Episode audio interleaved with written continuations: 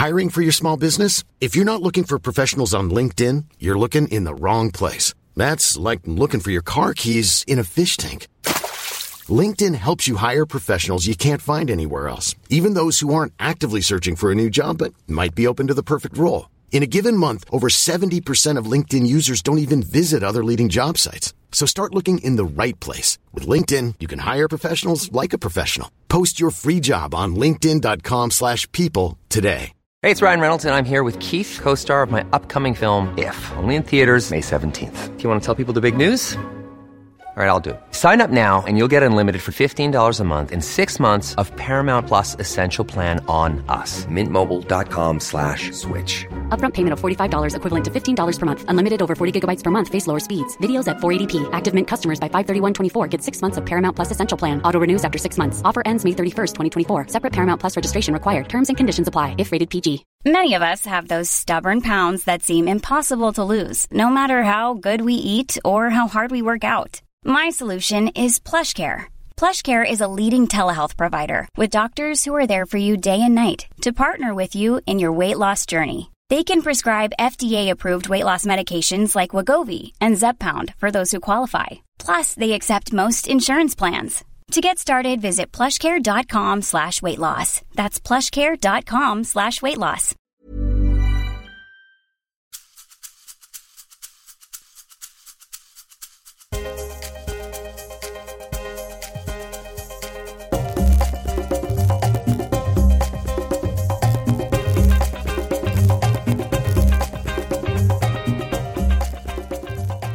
Hej och välkomna till Karriärpodden och till mig Eva Ekedal.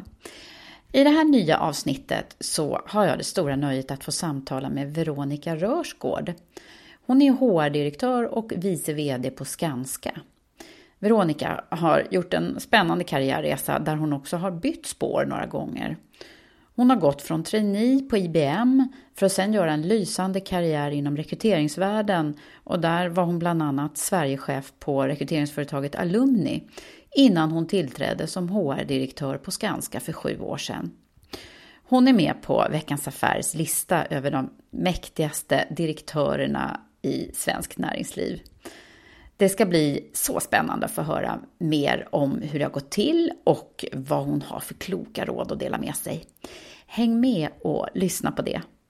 Men innan vi startar så vill jag tacka mina samarbetspartners Blocket Jobb och Stepstone som är mötesplatserna för dig som vill utvecklas i din karriär. Är ni redo? Då eh, kör vi!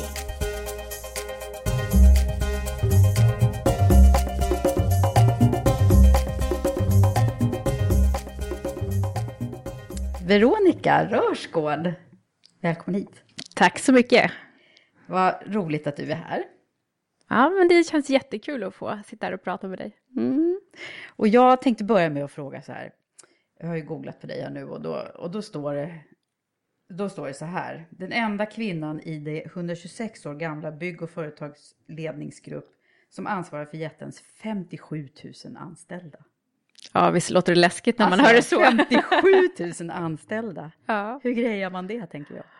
Ja, det är ju, när man säger det så där så låter det väldigt stort, men, och det är ju ett stort ansvar, vilket är fantastiskt, men såklart så i det vardagliga så jobbar ju man ju i mindre grupper och jobbar genom många, många, många andra såklart. Ja, ja det är svårt att ha kontakt med alla de där 57 000. Ja, det tror jag. Även om jag reser mycket så har jag inte lyckats träffa alla, alla Mm. kollegor. Nej. Och då undrar man ju genast, hur har, hur har din liksom karriärväg sett ut? Hur började det för dig?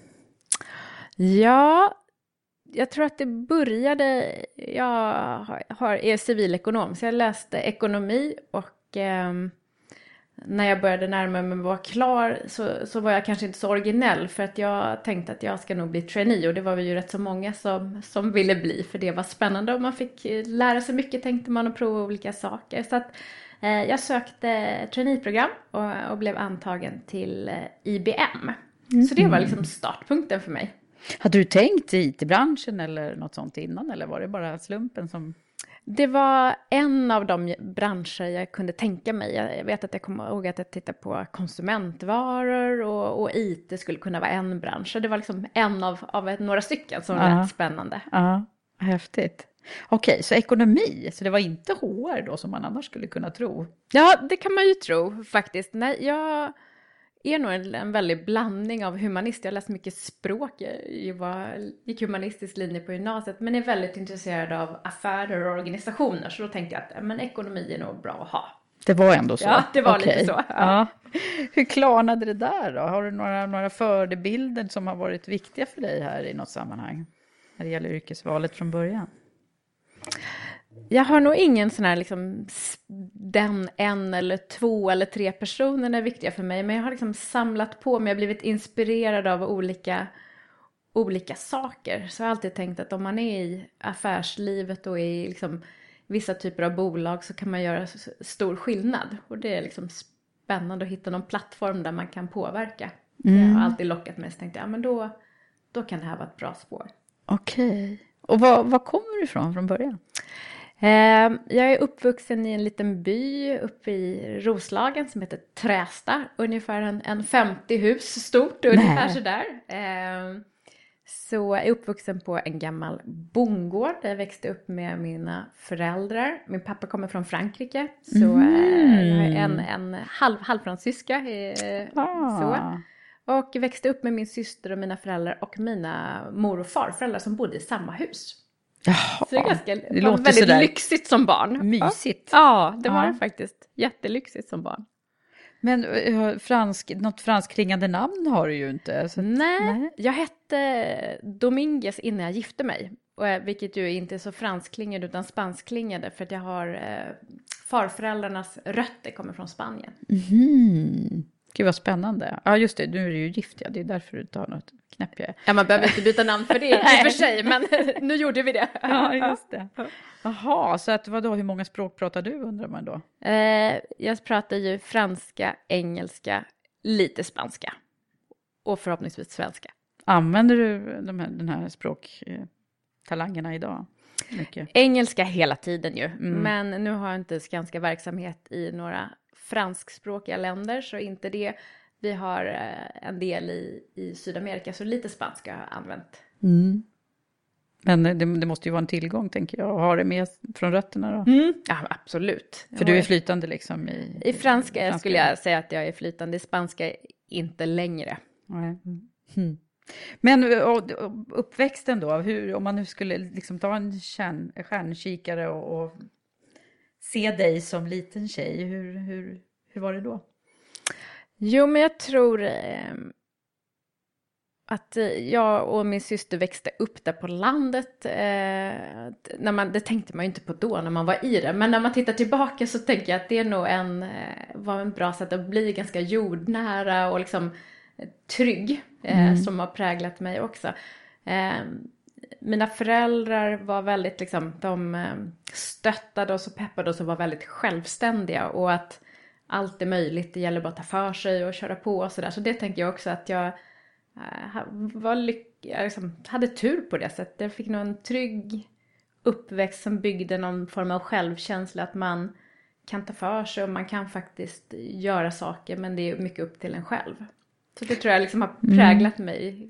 Lite mod har jag nog fått på grund av mina föräldrar. Okej, vem är du mest lik då? Ja, det är en bra fråga. Jag tror faktiskt att jag är mest lik min pappa. Lite temperament och, och ganska rak och rätt fram sådär. Okej, är det någonting som även syns i ditt ledarskap idag eller? Ja, men jag tror att jag är ganska rak och, och ganska orädd ändå. Så. Så traineejobbet blev det första. Det blev det första. Vad ledde det dig då sen? Ja, jag jobbade med försäljning av persondatorer och serv- servers och sådana saker. För, var ansvarig för stora svenska bolag som hade huvudkontor i Sverige. Så jag lärde mig försäljning och förhandling och att navigera i ett storbolag med allt vad det innebär. Eh, och sen eh, så träffade jag på en person som sen kom att flytta till Alumni som var mitt nästa jobb. Och när hon hade jobbat några veckor på Alumni själv, för hon kände en av grundarna, då ringde hon och frågade mig om jag skulle kunna vara intresserad av det. Så det kan man väl säga att... Eh, det var lite slumpen det där var också. definitivt slumpen. Och dessutom träffade jag min man på IBM. Så om man ska säga vad det ledde till så ledde det också till att jag blev gift med Jonas. Ja. Och vi också var trainee på IBM. Okej, Mm. se där. Kärlek på jobbet. Ja men precis. Ja, men då var det bra att du inte jobbade kvar då kanske? Eller? Absolut. Faktiskt så väntade vi med att eh, bli lite seriösa tills eh, jag hade bytt jobb. Ja. Så blev det rekryteringsbranschen då för dig? Ja, Mm. det blev det. Så det var också lite så, inte, inte det du hade tänkt från början? Nej, inte alls egentligen, utan det var... Jag fick den här frågan och så, så hade jag funderat lite grann på innan hur det skulle vara att jobba mer i ett mindre bolag och jobba mer med liksom människor och organisation, för jag var, tyckte det var spännande. Så att, och sen så träffade jag en, ett antal personer på Alumni och kände att det här är ju fantastiska människor och de, de vill bygga, tänka lite nytt och bygga ett nytt bolag och har jättehöga ambitioner och blev väldigt attraherad av det. Så ganska mycket magkänsla kanske mer i valet. Men du måste ha gjort en spikrak karriär där då? Jag var ju där under ganska många år men jag fick, eh, hade turen att ha liksom chefer som vågade satsa på mig så jag fick eh, liksom olika typer av ansvar för försäljning och marknadsföring och fick personalansvar tidigt och fick Ja, hur var, när, var det då första chefsjobbet kom? Alltså? Då var första chefsjobbet. Eh, så det var ju mycket, såklart som en kombination av att ha eh, chefer som vågar prova det som inte är helt givet. Liksom att ha kanske bland de yngsta som chef och inte det uppenbara. Och att själv då våga säga ja och prova. Så det är ju en kombination. Vad tror du det var som gjorde att, de, att, att just du fick den här chansen då? I form av liksom egenskaper och så, vad var det de såg? Ja, det, är, svårt att säga, men engagemang tror jag man såg liksom mycket vilja att förbättra och eh, entusiasm som förhoppningsvis eh, smittar av sig. Och mycket driv. Mm. Hur var det då att få att bli chef över de här äldre konsulterna då förmodar jag att det kunde vara bitvis, eller? Absolut, jag skulle säga att... Vet ju jag hur det är. All, all, ah, precis. Alla var väl äldre i, i Ja. princip kan man säga. Men ålder är ju en sak, men det svåraste tycker jag nästan var det här att, att gå från kollega till chef, som är ju lite, lite lurigt och folk kanske inte säger precis samma saker, det är inte riktigt samma öppenhet, man kan inte vara riktigt ha samma typ av relation längre. Nej. Och det kan ju vara lite jobbigt, tyckte jag i början. Ja. Att liksom, ja, de, Helt plötsligt alla är man inte liksom kompisar Nej, och man kan inte vara det riktigt. Man måste skapa lite liksom, mer distans ibland. Mm. Och ta vissa jobbiga samtal som är del av jobbet. Mm. Som man inte behöver om man är kollegor. Så Ja. att, eh, det, det var en liten omställning och ibland inte så himla lätt. Nej, just det. Så hur, hur blev din karriärutveckling inom rekryteringsbranschen då? För du bytte sen också, eller? Eh, jag, jag var inom Alumni och var operativ chef, så chef för alla konsulter och, och eh, researchavdelning. Sen var jag utlånad som vd för ett annat rekryteringsbolag för att förbereda det för, för tillväxt ett tag. Eh, och eh, min sista roll på Alumni var som vd eh, för den svenska verksamheten. Mm. Just det. Mm. Så det var verkligen så, du, du hade testat alla, alla varianter? Ja, men det hade jag nog gjort. Jag hade provat i alla fall många olika ansvarsområden under, under åren på Alumni. Ja. Vad var det som sen ledde dig till det jobbet du har nu då? Om vi hoppar lite här nu. Ja, jag kan, jag kan bjuda på den här historien. Den är ju lite knasig kanske. Men jag hade då uppdraget att rekrytera en eh, ny personaldirektör till Skanska. Ah, är det sant? Du hade uppdraget? Ja, jag hade uppdraget och eh, jag tyckte det här var, jag var väldigt nervös och det var ju spännande att få jobba åt koncernchefen på eh, Skanska och eh, få göra det här uppdraget. Och jag var där och jag presenterade kandidater och så var jag igen på möten när man hade träffat de här, vad det nu var, fyra eller fem personerna jag hade presenterat. Eh, och sa då Johan som är min nuvarande chef, eh, ja det kanske finns ytterligare en kandidat också. Ja, tänkte jag. Nu är det någon, någon intern som man har tänkt kanske ändå ska ta jobbet. Så ja, vi tänkte att du kanske skulle kunna själv vara intresserad. Nej, Så att, det, det var, var så en okonventionellt... Eh, Jaha, så det var inte du som så att säga? nej, det var det de faktiskt som- inte. Det är ingen efterhandskonstruktion. Jag blev faktiskt jätteförvånad och chockad. För jag var Ja. så inne på att göra ett bra jobb i Ja, att i bra rekryterings- kandidater. Ja. Vad häftigt. Ja, men då, då förstår jag att man blir liksom glad också. Ja, att få men den frågan. jätteglad. För då, så hade ju de sett dig liksom in Ja, action där ja. i själva processen. Ja, då. precis. Det var det som, som eh, gjorde dem intresserade. Ja, ja men tror jag. Ja, roligt. Jaha, och där har du varit nu ett tag? Där har jag varit och eh, det närmar sig sju år snart i slutet på det här året. Gisses. Hur har det varit då? Om du, om du reflekterar lite, får tid att göra det nu. Ja, det är ju faktiskt inte så ofta man tar sig tiden att fundera på hur det är. Men det har varit... När jag tog jobbet så var ju det ett väldigt annorlunda jobb på alla sätt och vis mot vad jag var innan. Jag menar, jag var vd för ett konsultbolag som förvisso var stort i sin bransch men som är liksom, kanske var 80 personer. Och jag gick in i en koncernledning med ansvar då för en stab, HR, i en jättestor koncern. Så att det kan, kan ju nästan inte vara mer olika som jobb.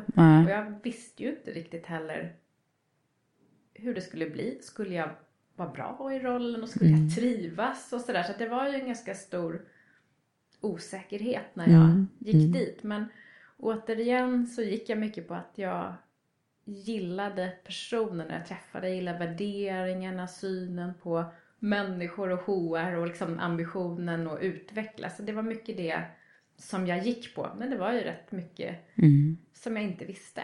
Så att, Ja, man tänker där när man, innan man greppar läget då. Ah. Ja, i, så, I en sån stor organisation. Måste ja, ha det, tagit lite det tid. tar ju tid. Eh, det tar ju tid såklart. Men det som är fördelen med att ha varit många år som konsult är att man är åtminstone ganska van i att liksom komma till nya miljöer och snabbt sätta sig in i hur organisationer fungerar och hur beslut tas. Så att man har i alla fall lite hjälp vad det gäller liksom hur man sätter sig in och hur man bygger relationer och sådär. Men, men självklart, jag menar det tar lång tid att förstå vad är det för frågor jag bör driva och hur lyckas man driva frågor i den här kulturen och organisationen. Mm. Vad har varit knepigast då i, i rollen liksom? Ja men det är lite olika om man tar på ett personligt plan. I början så tyckte jag att det var hemskt jobbigt att gå från att ha eh, resultatansvar och väldigt så här, tydligt se om man levererar eller inte. För det är så tydligt som konsult. Ja, man kan liksom det. se glada kunder och man ska titta på pengar och, Mm, och så vidare. Och i början då i, i mer av en eh, stödfunktion som HR så, så tyckte jag att det var väldigt svårt att bedöma Mm, är det bra eller värdet. inte? Gör, Mm. gör jag rätt saker? Spelar det någon roll? Tillför det värde? Så det var lite jobbigt. Mm, mm. I början tyckte jag att veta. Men sen så ställer man om sig och liksom får lita på att om man gör rätt eh, vissa typer av aktiviteter så kommer det att ge liksom, positiva effekter i bolaget. Vissa kortsiktiga och vissa väldigt långsiktiga. Mm. Vad har varit fokusområdena då? Ja, eh, jag har haft lite olika eh, fokusområden. Någonting har varit att säkra att vi har en bra försörjning av ledare inom bolaget. Så att se till att vi eh, har ett bra sätt att bedöma vilka som är bra ledare, vilka som kan utvecklas till nästa steg och ha ett globalt förhållningssätt till att ha liksom en bra intern ledarförsörjning. Så det har varit en och är jätteviktigt fokusområde. Det andra har varit att jobba med eh, mångfald eh, och öka mångfalden och, och öka inkludering. Så det var också som en annan, Mm. en annan tydlig. Mm. Och, och det är ju spännande då när du sitter här också. Hur, hur, hur har det gått då med jämställdhetsfrågan och, och så? Då? Ja, Bygg, byggbranschen tänker jag ju som... Nu hade min förra gäst ju från NCC som ju också påpekade att det är lite knepigt såklart. Ja, och man säger som jag tror gemene man, när man tänker på byggbranschen så tänker man ju oftast eh, en väldigt manlig bransch. Och, och det, även om den är, branschen är under förändring och Skanska är definitivt under stor förändring så, så visst är det så. Det finns ju en lång historia där den absoluta majoriteten av anställda har varit män. Eh, så så är det. Det som är som vi ser nu att det i och med att branschen förändras kommer det nya typer av roller och att när man jobbar i, byggbranschen så är man verkligen en del av att liksom bygga samhället och förändra samhället och det attraherar många kvinnor. Så att om man som ser branschen Ja, ja. mer som en plattform att liksom bidra till ett bättre samhälle, vilket man verkligen kan göra, så gör det också Mm. Och hållbarhetsfrågor sånt. Hållbarhetsfrågor, etikfrågor, arbetsmiljö, säkerhet. eh, Mm. Så det blir bättre säger du? Det blir bättre. Jag menar, Vad har vi- ni för siffror? Men vi är eh, ungefär en fjärdedel eh, kvinnor. Mm. Och, eh, och sen så kan man på koncernnivå talar vi om nu. Mm. Det är ju, vi har, har ju en organisation som består av både tjänstemän och yrkesarbetare. Och bland yrkesarbetare är ju andelen lägre. Mm. Så vi jobbar mycket med det. Sen så har vi eh, mer liksom, kommersiell fastighetsutveckling och bostadsutveckling. Och i de affärsenheter och de delarna, då är det väldigt jämställt. Då har vi ungefär hälften, hälften män och kvinnor. Medan mer eh, byggverksamhet, där är det fortfarande lägre antal kvinnor. Men den ökar hela tiden. Så vi jobbar, Det går liksom åt rätt håll. det går åt rätt håll. Vad För- gör man då för att det ska bli? Ja, vad gör man? Det här är en bra kommit på fråga. liksom nyckeln? Har inte hittat den här magiska lösningen, utan vi jobbar med många, många olika saker. Men om jag ska ta någon viktig liksom, omsvängning som vi har gjort under åren, eh, som jag har varit i den här rollen, så vi jobbade jättemycket med att försöka rekrytera kandidater med olika bakgrund när jag kom.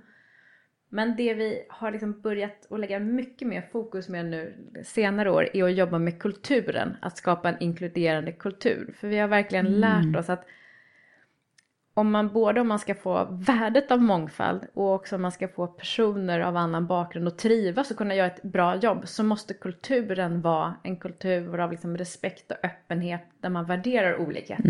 Så vi har lagt enormt mycket kraft att i, liksom, samtidigt som vi försöker jobba med liksom, rekrytering och befordra personer med, med, med mångfald eh, så måste vi också göra ska jobba med kulturen hela tiden. Hela tiden? Hela, hela Mm. tiden. Det, det är liksom ingen Ja. engångsinsats? Nej, det här är, och jag menar, jag kommer jobba med det här länge och Ja. arbetet kommer att fortsätta hela, hela tiden tror jag. Mm, jag förstår det.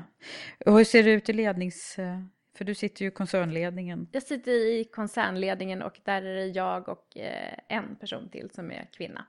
Mm, så ni är två av Vi är nio. nio. Ja. Mm, Okej, Ja. så där är vi inte riktigt framme än. Nej. Nej. Sen så vill jag också säga att nu pratar vi om mångfald ur ett könsperspektiv. Ja, men, men för oss är det ju mångfald mycket, mycket, Mycket bredare. större. Vad det gäller etnicitet är ju det jätteviktigt. Och att eh, såklart vi har ju verksamhet i många olika länder och vi har mer verksamhet utanför Sverige än i Sverige. Så det är också viktigt. Är det att, så? Absolut. Ja. Mm. Så, är det. Eh, så det är ju också viktigt att vi med liksom and, andra typer av mångfald, eller mångfald i det vida begreppet, Ja. är jätteviktigt. Och kön är också viktigt, men det är vidare än så. Vi Mm. pratar. Jag förstår.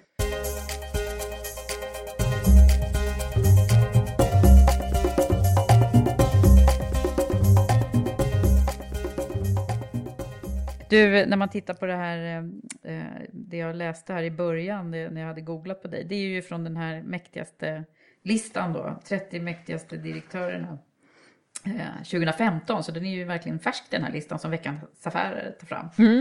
Där är du på plats, vad var det nu, 18 eller? Nej, Jag kommer inte ihåg riktigt, men jag minns, jag var med på listan i alla fall. Ja. Ja. Hur känns det att hamna på en sån här? Ja, det är en bra fråga, för det är inte riktigt så man går och tänker på sig själv. Eh, alltså, det är lite konstigt. Här går den Ja, 18 Ja, mäktigaste. precis. Eh, det, så men, men om man ska se det positiva eh, av det så tycker jag att det är eh, det är positivt för jag menar, Skanska som bolag och det är positivt för mig för det visar att man kan ha inflytande och dessutom tycker jag att det är roligt att man eh, som ansvarig, jag är ansvarig för personalfrågor och för IT, att man i den typen av roll faktiskt också kan göra stor skillnad. Att det inte bara i vd Mm. Så du har IT också? Jag har IT också. Mm. Aha, det visste inte jag. Ja. Det är ju inte helt vanligt att HR och IT hör ihop. Nej, det kan man inte säga. Det, så det, fick jag, det hade jag inte från början, men jag fick Nej. det för något drygt år sedan. Och då, då undrar jag ännu mer hur du grejar det där. Ja. ja, det gör jag genom att ha väldigt bra personer som jobbar tillsammans med mig. Ja, Okej, så du har någon som, som, eh, som sköter IT det löpande Jag har, förstås? precis, vi har en global IT-chef som i sin tur då har medarbetare, och så har vi medarbetare ute i våra affärsenheter runt om i världen. Ja, ja. Och hur många på HR-sidan är det en hel stab förstås? Ja, vi har Skanska kanske man inte tror, men egentligen är hu huvudkontoret på Skanska är ganska litet. Så det mesta av, eh, liksom majoriteten av arbete och personer ligger ute i våra affärsenheter. Det är en ganska decentraliserad mm. organisation. Okay. Så jag har en ganska liten eh, HR-grupp centralt, men däremot eh, många fler kollegor, eh, hundratals kollegor ute mm. i affärsenheterna som jobbar med HR och ytterligare som jobbar med IT. Då. Mm. Men du Veronica, när du, när du kom in där då eh, i början, hur lång tid tog det innan du kände att du hade, hade grepp om hela den här. Kolossen som just ganska är verkligen? Säga, man kan kanske inte säga att man någonsin får fullt grepp, men jag Nej. förstår vad, vad, du menar. Jag, jag tror att det tog kanske sex månader innan man har någon form av första liksom, eh, under första året hade jag ju rest runt till alla affärsenheter och träffat alla högsta cheferna och HR-chefer och stora delar av HR-grupperingen. Så att mellan 6 till 12 månader tycker jag mm. för att få en bild av hur ungefär fungerar det och vad är det som är viktigt att driva här och hur, hur driver man förändring. Mm. Men sen så tycker jag att jag har, jag lär mig hela tiden. Mm. Jag lär mig du är inte liksom fullärd? För, Nej, jag lär mig nya saker om vårt bolag i princip varje dag. Mm. Vad är det roligaste då? Alltså det är nog att det är en sån otrolig variation på frågeställningar i den här rollen. Som del av en koncernledning för ett stort bolag. Eh, och det är från väldigt praktiska saker här och nu till väldigt strategiska långsiktiga saker. Jättepositiva saker till kriser. Så att det är en otrolig variation och man vet aldrig riktigt vad som, vad som ska, ska hända. hända. Och det tycker Nej. jag är jätte... Så, eh, det blir aldrig tråkigt kan man Nej. lugnt säga. Ja. Och vad är det som, som du tycker har varit liksom eh, eh tuffast utmaningen för dig som person då? Hittills? Det kan ju vara hela din I den här, äh, Nej, det, fin det, finns ju olika saker. Nu har jag ju gjort kan man säga tre lite kast av olika typer av jobb. Och det är klart att det, det kostar på ganska mycket när man byter bransch och funktion. Nu har jag liksom gått från trainee till IBM, jobba med försäljning till att in och jobba med rekrytering och konsultverksamhet till att mm. nu jobba personaldirektör i byggbranschen. Så mm.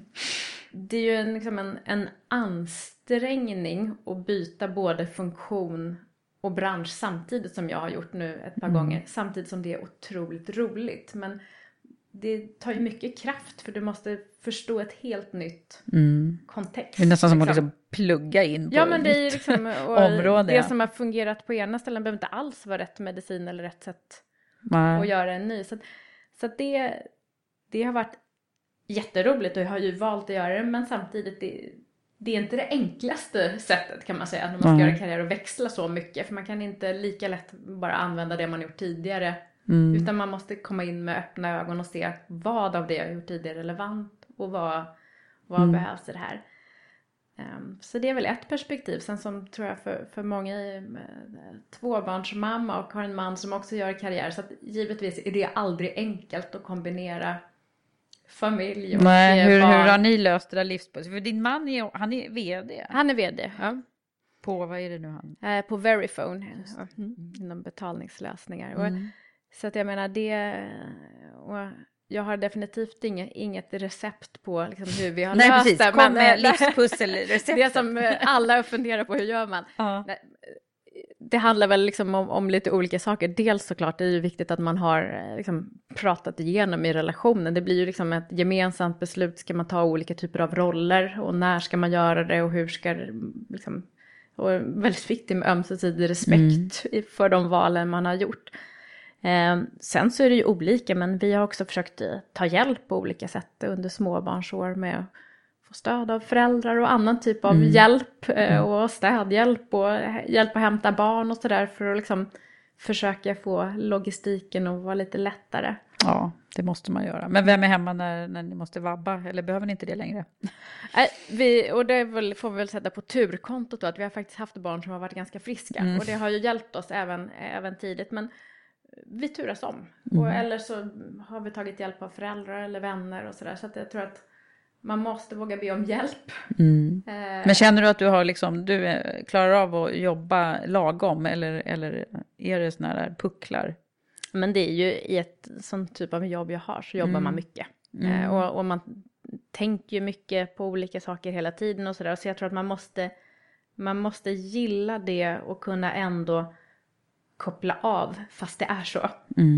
Eh, och då är, tycker jag barn är väldigt fantastiskt. För att när du kommer hem så, och i alla fall när barnen är små, då måste du vara där med dem. Så att det är ju på ett sätt väldigt bra för att få distans också och kunna göra något annat.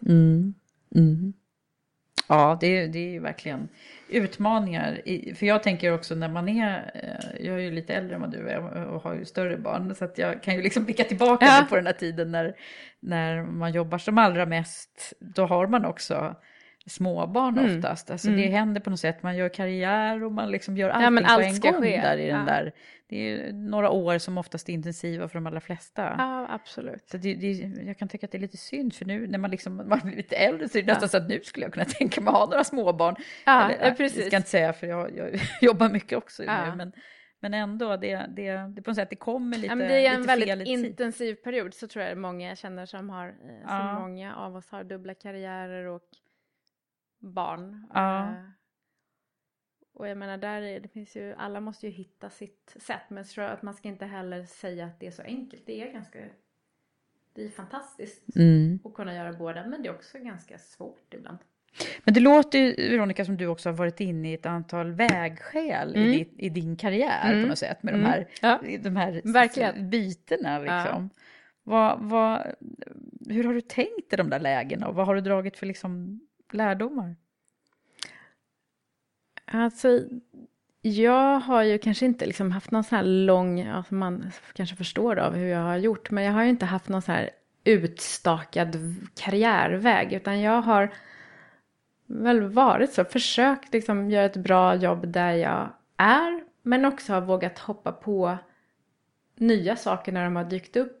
Och också liksom There's never been a faster or easier way to start your weight loss journey than with PlushCare. PlushCare accepts most insurance plans and gives you online access to board-certified physicians who can prescribe FDA-approved weight loss medications like Wigovi and Zepbound for those who qualify. Take charge of your health and speak with a board-certified physician about a weight loss plan that's right for you. Get started today at plushcare.com slash weight loss. That's plushcare.com slash weight loss. plushcare.com slash weight loss. I'm Sandra, and I'm just the professional your small business was looking for. But you didn't hire me because you didn't use LinkedIn jobs. LinkedIn has professionals you can't find anywhere else, including those who aren't actively looking for a new job but might be open to the perfect role, like me.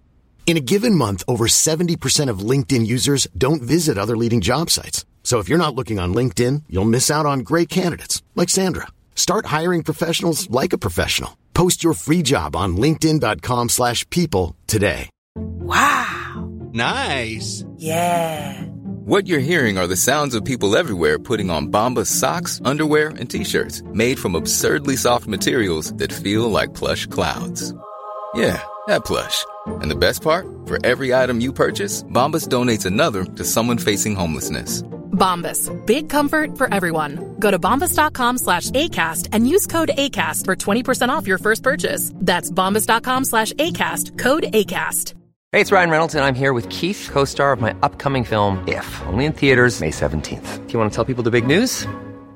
All right, I'll do it. Sign up now and you'll get unlimited for $15 a month in six months of Paramount Plus Essential Plan on us. Mintmobile.com slash switch. Upfront payment of $45 equivalent to $15 per month. Unlimited over 40 gigabytes per month. Face lower speeds. Videos at 480p. Active Mint customers by 531.24 get six months of Paramount Plus Essential Plan. Auto renews after six months. Offer ends May 31st, 2024. Separate Paramount Plus registration required. Terms and conditions apply if rated PG.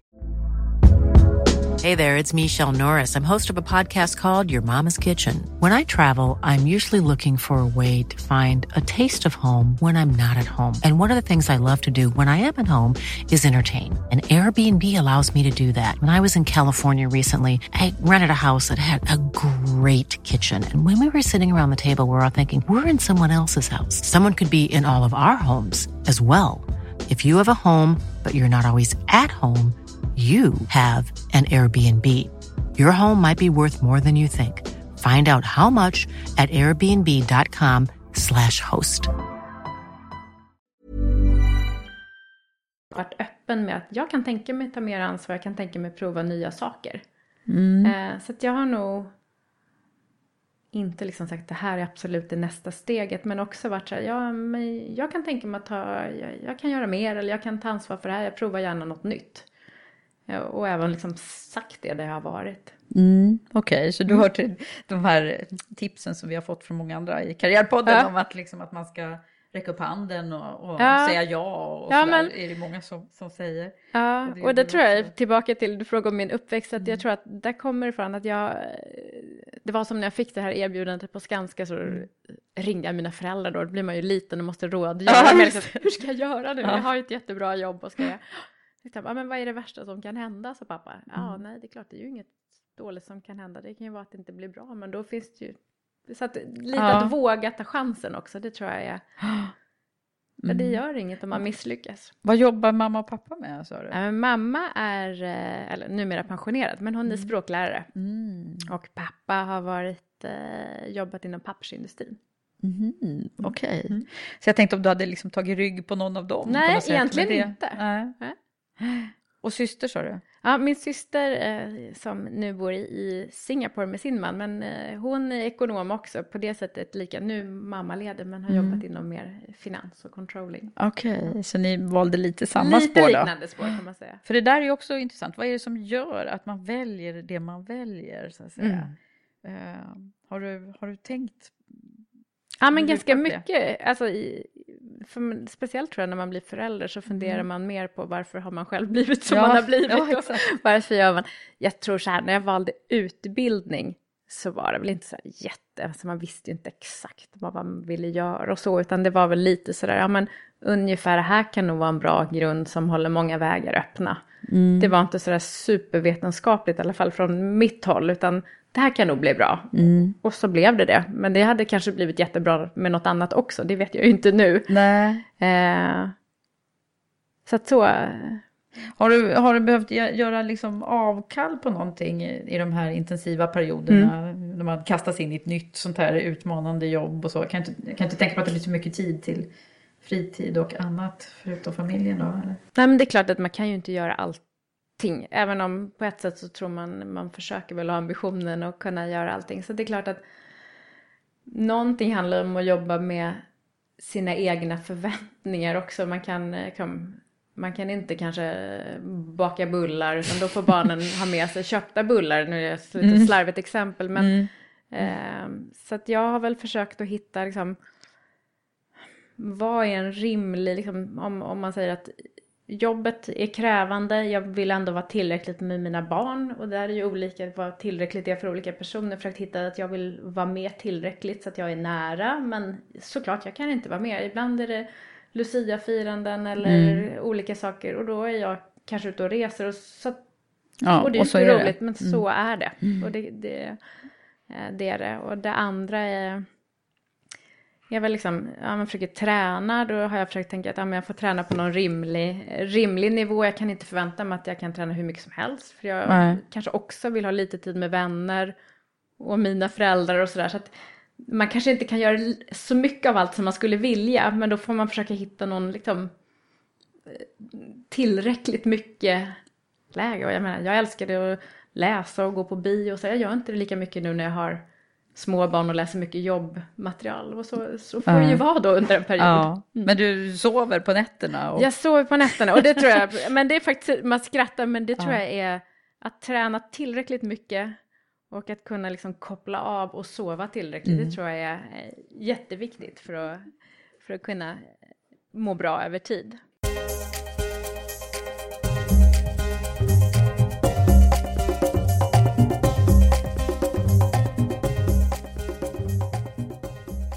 Jo, men du, jag funderar lite grann på det här med, med ledarskapsfrågor är väl sånt som, som du har på din agenda, som sagt var varje dag, kan jag tänka mig. Ja, verkligen. Hur, hur är din eh, syn på ledarskap och sådär? Vad, vad, vad, är, vad är ett bra ledarskap?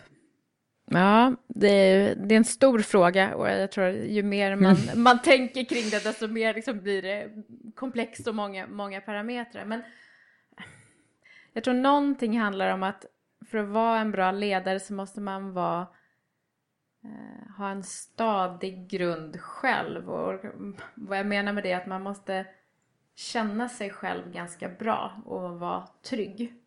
Eh, för jag tror det är väldigt svårt att vara ledare om man inte själv har liksom reflekterat över hur man är och hur man påverkar andra och vad man är bra på och inte bra på. Sånt Mm. som alla vi är. Så, Så självinsikt. självinsikt är, är jätteviktigt och sen så måste man liksom vara sig själv över tid och det tror jag är mer och mer så att det, det går inte att liksom vara någon man inte är för människor genomskådar det och då blir du inte trovärdig utan du måste utgå från den du är eh, Mm. i ledarskapet för att det ska bli äkta.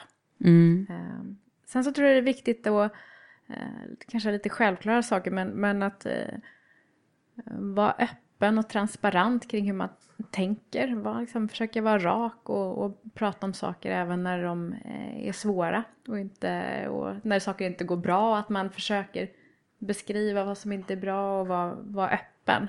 Mm. Även om det kanske egentligen känns lite jobbigt att ta upp Ja, de här frågorna. Man hellre kanske väntar, att det kanske blir bra och sådär. Så blir det ju sällan det. Mm, så även svåra samtal Ja. och sånt. Mm. Ja. Hur, hur tror du att di- ditt eget ledarskap, alltså, vad säger folk om dig då? Som, Ja, nu är tillhör... säkert gjort massa Jag har gjort så många mätningar. tester Ja. och vi gör 360-intervjuer och sådär, så nu, nu vet jag ganska väl. Eh, jag får ju den bilden och mycket feedback och sådär, vilket jag tycker är bra, för att man kan hela tiden lära sig av det man hör. Men jag tror att eh, de som jobbar med mig tycker att jag är väldigt engagerad, att jag har eh, driver på saker, är väldigt resultatorienterad. Eh, vissa tycker att jag är rak på ett positivt sätt. Vissa kan tycka att jag är lite väl direkt och kan tycka att det är jobbigt. Eh, jag är ganska stark med vad jag tycker. Mm. Eh, och det finns de som tycker att det är jättebra och det kan, säkert de som tycker att det är lite jobbigt. Okej, mm, ja det är klart, det finns alltid två Ja, sidor av myntet. Ja. Men du Veronica, jag tänker det låter så himla bra allting som du, så här, ditt, ditt liv och yrkesliv, jag blir jätteavundsjuk.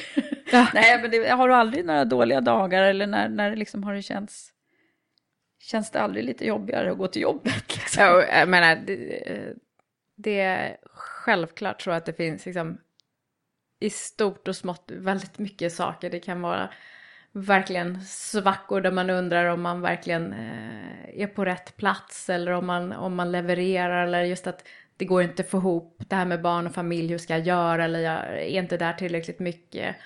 Sen finns det ju saker som, eh, nu har vi inte pratat så mycket i detalj, men såklart i jobbet så finns det ju situationer som kan vara otroligt jobbiga. Vi, eh, på Skanska dessvärre eh, så händer det till exempel att vi har folk som eh, dör i Ah, bolaget ja, i på någon olycka. arbetsplats. Ja.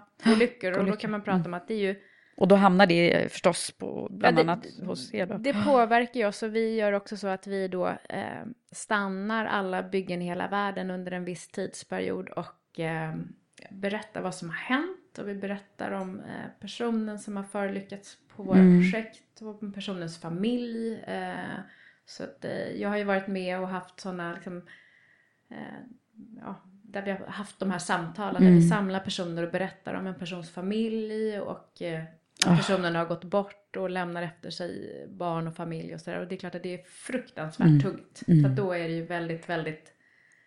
ja, och, då, väldigt, och då är ju du den instansen då förstås som ja, liksom ja, men det, man måste, ska hantera de här eh, frågorna. Det hanteras på liksom olika sätt i verksamheten, men sådana saker är ju såklart otroligt, otroligt svåra. Och Mm. man känner ju också såklart eh, som del av ledningen i företaget, skulle vi kunna göra någonting mer för att det här inte ska hända? Mm. Det finns ju alltid också någon form av, liksom, vi är ytterst ansvariga för ett företag där någon gick till arbetet på morgonen och inte kom hem till sin familj. Mm. Så det, det är ju naturligtvis något som är Ja, väldigt, svår väldigt fråga. tungt att, Mm. att bära. Så Ja. På din hur- fråga så är det absolut inte så, så att det är rosa moln och fantastiskt, bara medvind hela tiden. Utan det är ju i stort och smått kan det Mm. vara väldigt svåra saker också. Men är du en sån där som också eh, klarar av att, att, att liksom stänga av, alltså inte bära på eh, jobbet eh, hela tiden och så, eller hur hanterar du det där? Jag tror att jag, eller jag tänker ju väldigt mycket på jobbet, men jag tror att jag inte, jag blir inte så stressad av det. Och det, det ska jag säga att det har också ändrat sig. I början på när jag jobbade så tror jag jag hade mycket svårare att och liksom, eller jag blev mer stressad av att tänka på jobbet. Nu reflekterar jag mycket men det behöver inte nödvändigtvis vara stressande. Sen så brukar jag sticka ut och springa, det hjälper Mm. mig lite grann Mm. att koppla av. Och faktiskt det här med, med barnen som jag sa, att liksom Mm. prata med dem om deras dag och att man blir liksom, åker iväg och tittar på en fotbollsmatch eller kör till träning. Det blir ett Mm. bra sätt att liksom dra sig bort lite grann från, Mm. koppla bort lite grann. Mm. Vad skönt. Ja, men jag tänker man måste lära sig hantera eh, Ja. det där när man är... Ja, men, och sen så återigen, jag menar ibland är det saker som jag går och liksom oroar mig för eller som jag inte lyckas koppla bort. Så är det ju Mm. också. Men på det hela taget Mm. eh, så, så tror jag att Men det, det, det är säkert jag har en- blivit en, bättre. En, en, eh, ja, det här med att inte, att inte älta allt för Nej. mycket, det, det, är väl, det är väl också en, en nyckel till Ja. framgång säkerligen när man är i en tung, utsatt ledarposition. Ja, och det är kanske lite därför när vi eh, pratar också som det framstår som allt är så himla positivt. Och det tror jag delvis är för att jag försöker liksom komma vidare, lösa problemet och inte liksom stanna för mycket eller grubbla för mycket. Man måste lära sig såklart och man Mm. måste liksom inte bara förringa men man kan inte heller fastna för mycket. Problemet. Man måste släppa och komma vidare också så det är kanske därför det låter lite mer Mm. glättigt och positivt än vad det är såklart. Mm. Mm. Just det. Ja, men det där är ju spännande. Och det här med kvinnor i, i, i ledningen och så. Vad, vad det- hur, hur, hur ser du på det? då? Hur har det varit egentligen att vara tjej? Ja, nu, nu är ni två säger du i ledningen nu. Men, och du började ju i IT-branschen jag kan tänka mig Mm. att det inte var så himla mycket. Nej, inom försäljning var det verkligen, verkligen få kan man Då säga. var det ja, säkert så. Jätte eller? så. Ja. Ja, hur har det varit tycker du då? Och hur gör du? Ja, jag tror så här. När jag började jobba så tänkte jag så här. "Eh, Det där är ju bara så som man tänker. Om man gör ett bra jobb och kör på så det, det är ingen skillnad. Så jag tänkte mer att det, är- det är meritokratiskt, det är upp till var och en. Sen så tror jag ju längre jag har jobbat så ser, jag, ser man att det finns liksom maktstrukturer och lite andra saker som kan vara stoppande för kvinnor. Ehm, personligen så tycker jag inte att jag har mött så mycket motstånd eller svårigheter. Eh, på IBM, som jag sa innan försäljning, var det ganska få kvinnor, men jag tyckte framförallt att det var en fördel för man blev ihågkommen av kunder och man blev det. synlig internt. Så det Ja. fanns också lite plus Ja. med det eh, faktiskt. I konsultvärlden var det väldigt blandat, så där var det egentligen inte en fråga. Det var lika många killar som tjejer och partners och sådär, så det var ingen fråga. I Skanska nu och i byggbranschen, eh, då är ju kvinnor i minoritet. Mm. Eh, så är det. Sen så, så tror jag att jag har ju en position som sitter i koncernledning som gör att jag har ju en formell plattform som hjälper mig. Mm. Som gör det på ett sätt. Ett naturligt Ett mandat. naturligt liksom. mandat. Så det, det hjälper ju också. Mm. Eh, Så jag ser mycket som min roll att skapa förutsättningar, goda förutsättningar för kvinnor att få utvecklas i Skanska från, från där man är. Mm.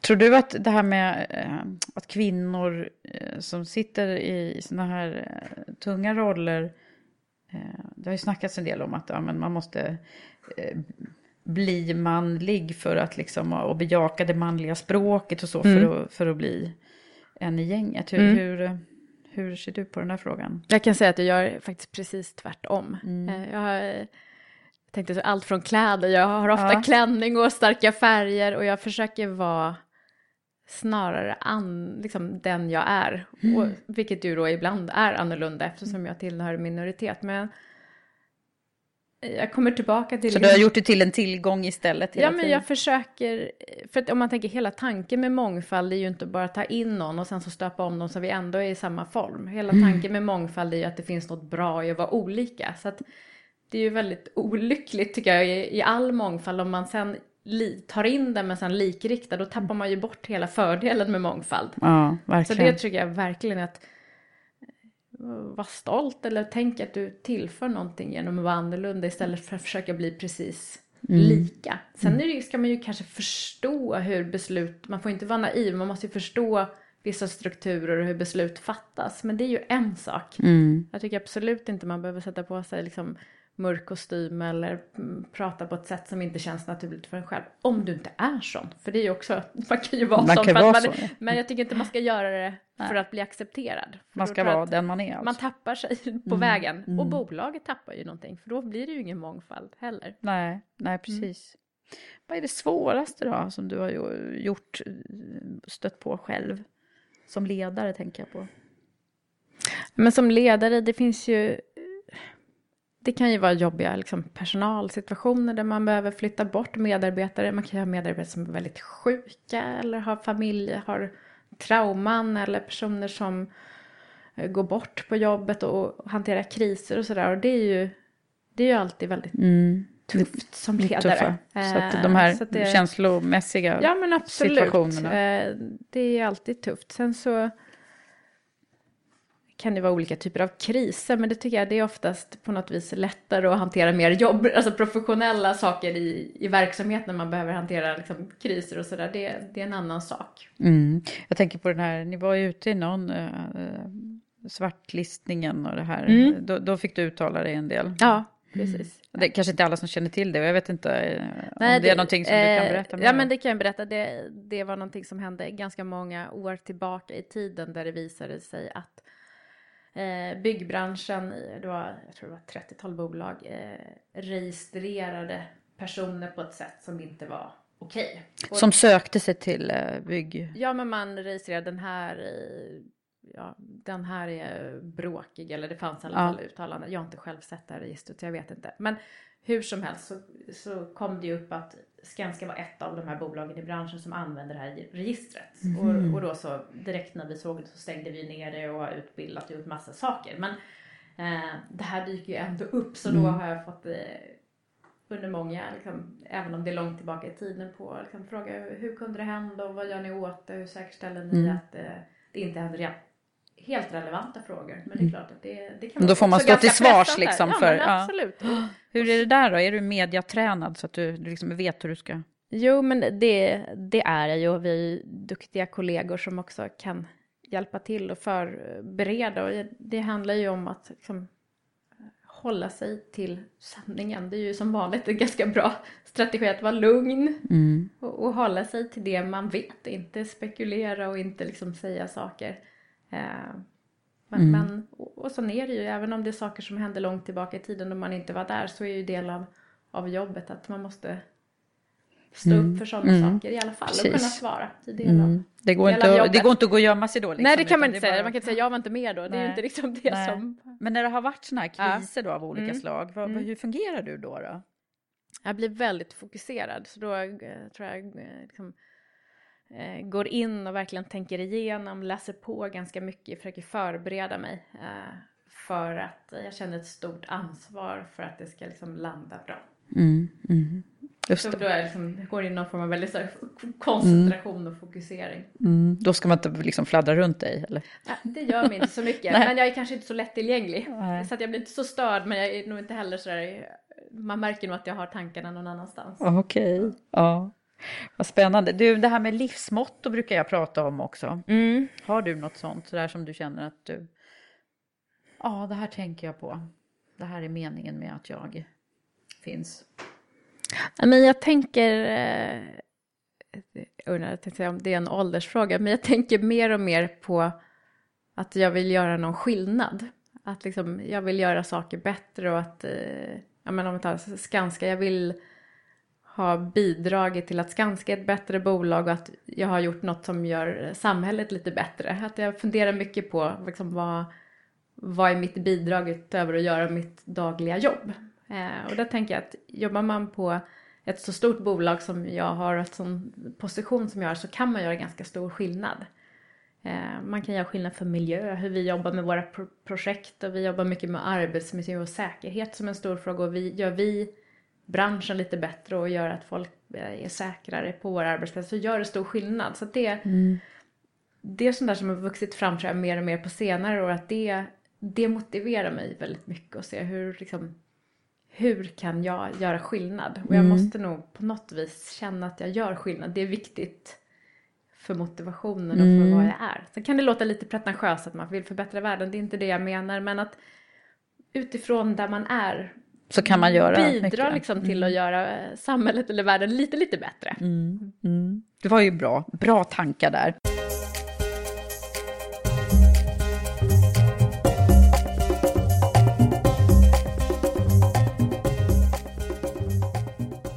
Du, sen så har ju vi eh, alltid, brukar vi fråga om, om vad du har för tips och råd och sådär till, till tjejer som, eller det kan ju bara vara tjejer och killar för den Mm, delen. Så När, mm. man, när man står kanske antingen i mitten på sin karriär eller i början. Och, det kan ju också vara situationer där man faktiskt är i de här vägvalen Ja.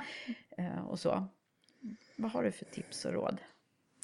Men jag tror att någonting som man kan fundera på är att försöka liksom, titta på sina styrkor. För ibland kan jag tänka att vi jobbar så himla mycket med att förbättra våra svagheter så att vi ibland tappar bort istället att utnyttja det vi har som man är bra på. Och jag tror att att fundera på vad är det jag har som jag är bra på och i, i vilken typ av roll eller i vilken miljö kommer jag få liksom komma mest till min rätt. Jag tror Mm. det kan vara en ganska bra guidning snarare än att ha liksom en väldigt utstakad eh, karriärplan att först den här positionen och sen den här. Men jag tror man lär sig efter ett tag att när har jag trivts väldigt bra och när lyckades jag väldigt bra? Vad, hur, hur såg det ut eller hur var det Mm. omkring mig?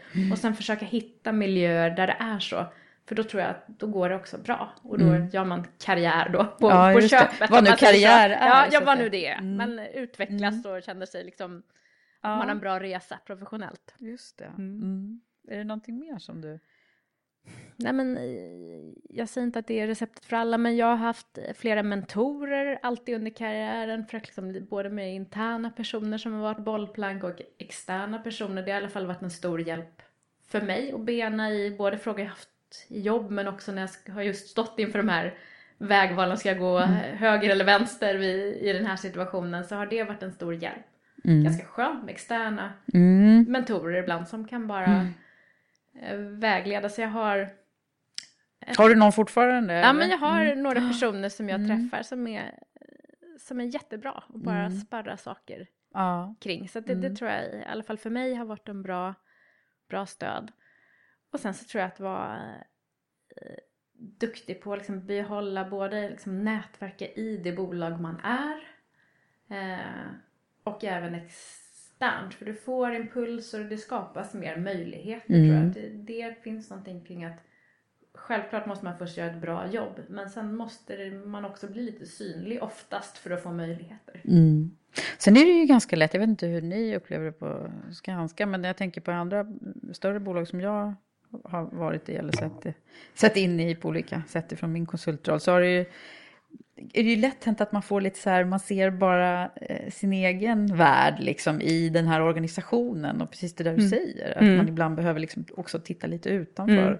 Det är ungefär som när man åker, när man åker till ett annat land och helt plötsligt inser att ja, men det, gud, det här lilla som vi håller på med hemma, Mm. vad det, Mm. Ja, Ja, men jag man tror får de här det- perspektiven liksom. Det, det, det är en jättebra poäng. Jag tror, jag ska inte prata, jag har inte varit i så många storbolag, men jag, jag håller verkligen med dig att i stora bolag så kan man bli helt konsumerad av sin egna Mm. liksom, verklighet in i bolaget. Och det tror jag, det är inte så hälsosamt, utan man måste verkligen se till att eh, förstå vad som händer i samhället. Mm. Det tror jag för att samhälls och ekonomi och liksom eh, samhällssituationen sig påverkar jättemycket i bolag och man måste också förstå hur fungerar det i andra branscher och andra bolag och det gör man ju lättast genom att menar, läsa eller gå på konferenser eller träffa Mm. människor från andra miljöer. Jag tror det är jätteviktigt som Mm. du säger, speciellt när man är storbolag för då Ja. kan man liksom annars bli helt Ja, och även om man är en stor koncern så blir det ju ändå det där att det blir liksom egen... Absolut, nej, det, det i- tror jag är jätteviktigt. Mm. Så det också, jag har liksom några olika nätverk och är ganska nyfiken. Så jag Ja. läser mycket och är intresserad av politik och samhälle. Och jag tror att Mm. Det hjälper till för att, jag säger inte att jag har lyckats helt, men i alla Mm. fall hjälper till att få lite mer Mm. utifrån någon perspektiv. Ja, men det det är bra där. Mm. Bra input tycker jag. Du, sen så har ju vi min förra gäst då, Ja. som vi faktiskt slumpmässigt råkar vara från samma bransch. Ja, det men är ju, se där. Det är ju, liksom, det är ju inte så att, eh, att, vi, att jag på bransch. något sätt har, har gjort, det, det bara råkade bli Ja, jag så helt förstår. enkelt nu. Ja. Men, Eh, hon, Charlotte Jernbom då, som, Ja. som var här eh, förra gången, hon ställde ju en skicka vidare fråga till dig. Mm. Hon visste inte att det var dig hon skulle Nej, ställa den frågan till. Eh, och den låter så här, är, du- är du beredd? eller? Ja, absolut, jag lyssnar. Eh, vilka val har du gjort i ditt liv som du känner att du har blivit mycket starkare av? Mm. Tror att jag då får komma tillbaka till det här, att jag har vågat liksom kasta mig ut verkligen långt utanför min komfortzon och byta bransch och funktion samtidigt. Att det är liksom rätt så läskigt och det är mycket kanske lite riskabelt eh, och sådär. Men samtidigt när man då känner att det går och jag klarar av det så, så bygger det ju väldigt mycket man bygger och liksom självförtroende och, och känsla av att det går. Så det tror jag jag har blivit stärkt av att jag har klarat av att fungera i väldigt olika typer av branscher och miljöer. Så det, Mm. det tror jag att jag har varit någonting som har stärkt mig. Ja, men det kan man nästan förstå Mm. när man har hört din berättelse nu. Får vi hoppas att Charlotte blir nöjd med den. Ja, det får, hon, hon, får, hon får höra av sig annars så kan vi fortsätta ta lunch och diskutera. Ja, exakt.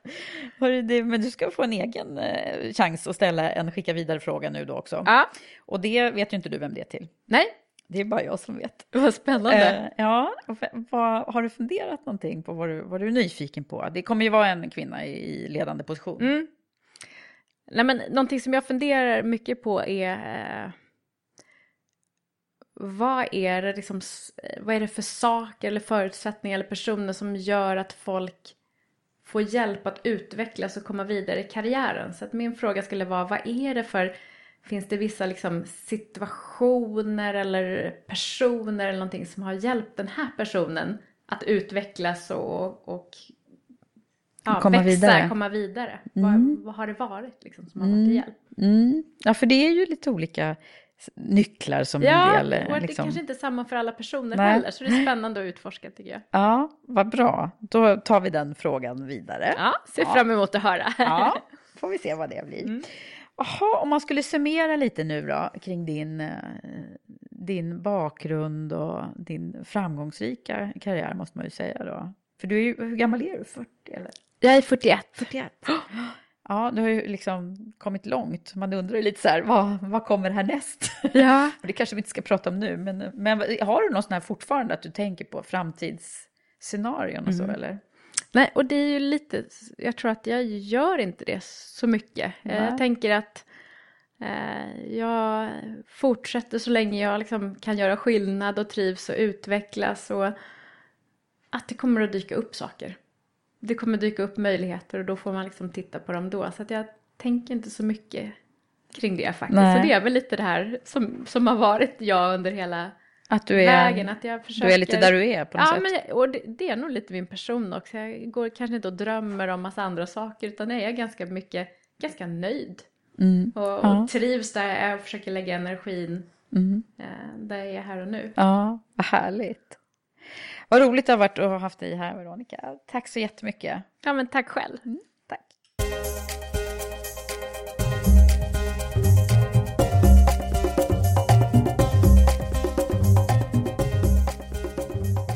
Nu är det dags för min lilla reflektionsstund. Än en gång har jag fått samtala med en sån där superduktig person som har ett riktigt stort ansvar i sin roll. Hon ger verkligen ett konkret och tydligt och engagerat intryck. Jag gillar verkligen hennes resonemang och syn på mångfald och det där att man inte behöver anpassa sig till männens värld för att passa in. För då försvinner ju hela poängen med mångfald, faktiskt, har hon rätt i. Och det där att vi ska bygga på våra styrkor för att vidareutveckla oss, det gillar jag också istället för att fokusera på svagheterna och försöka göra någonting åt dem. Och vet ni vad? I min egen lilla research som jag håller på med här i Karriärpodden så är det ju så att det här är ytterligare en stora syster som är uppvuxen på landsbygden. Det har ju visat sig att det är väldigt många med den bakgrunden som jag slumpmässigt då har intervjuat här. Tycker det är lite fascinerande. Kul också att höra att det går att byta både bransch och roll samtidigt och hur hon har vågat göra det. Tack Veronica och stort lycka till framöver. Tack också till mina samarbetspartners Blocket Jobb och Stepstone som är mötesplatserna för dig som vill titta på möjligheterna att utvecklas i din karriär. Tack också alla ni som har lyssnat. Fortsätt höra av er till mig. Vi hörs snart igen. Hej så länge!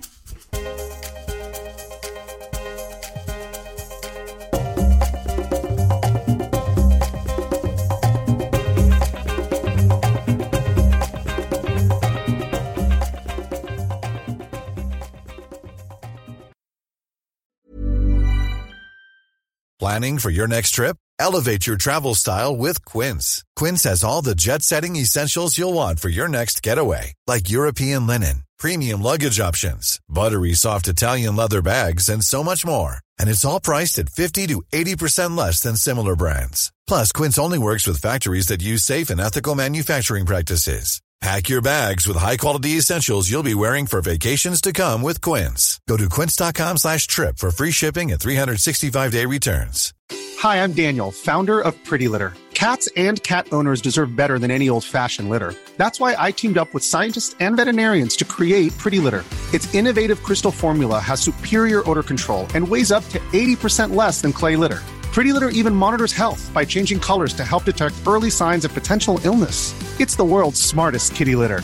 Go to prettylitter.com and use code ACAST for 20% off your first order and a free cat toy. Terms and conditions apply. See site for details. Traffic jams, tailgating, pileups. Ugh, the joys of driving. How could it get worse? The federal government wants to have a say in what you drive. That's right. The Biden administration's EPA is pushing mandates that would ban two out of every three vehicles on the road today. Don't let Washington become your backseat driver. Protect the freedom of driving your way. Visit EnergyCitizens.org. Paid for by the American Petroleum Institute.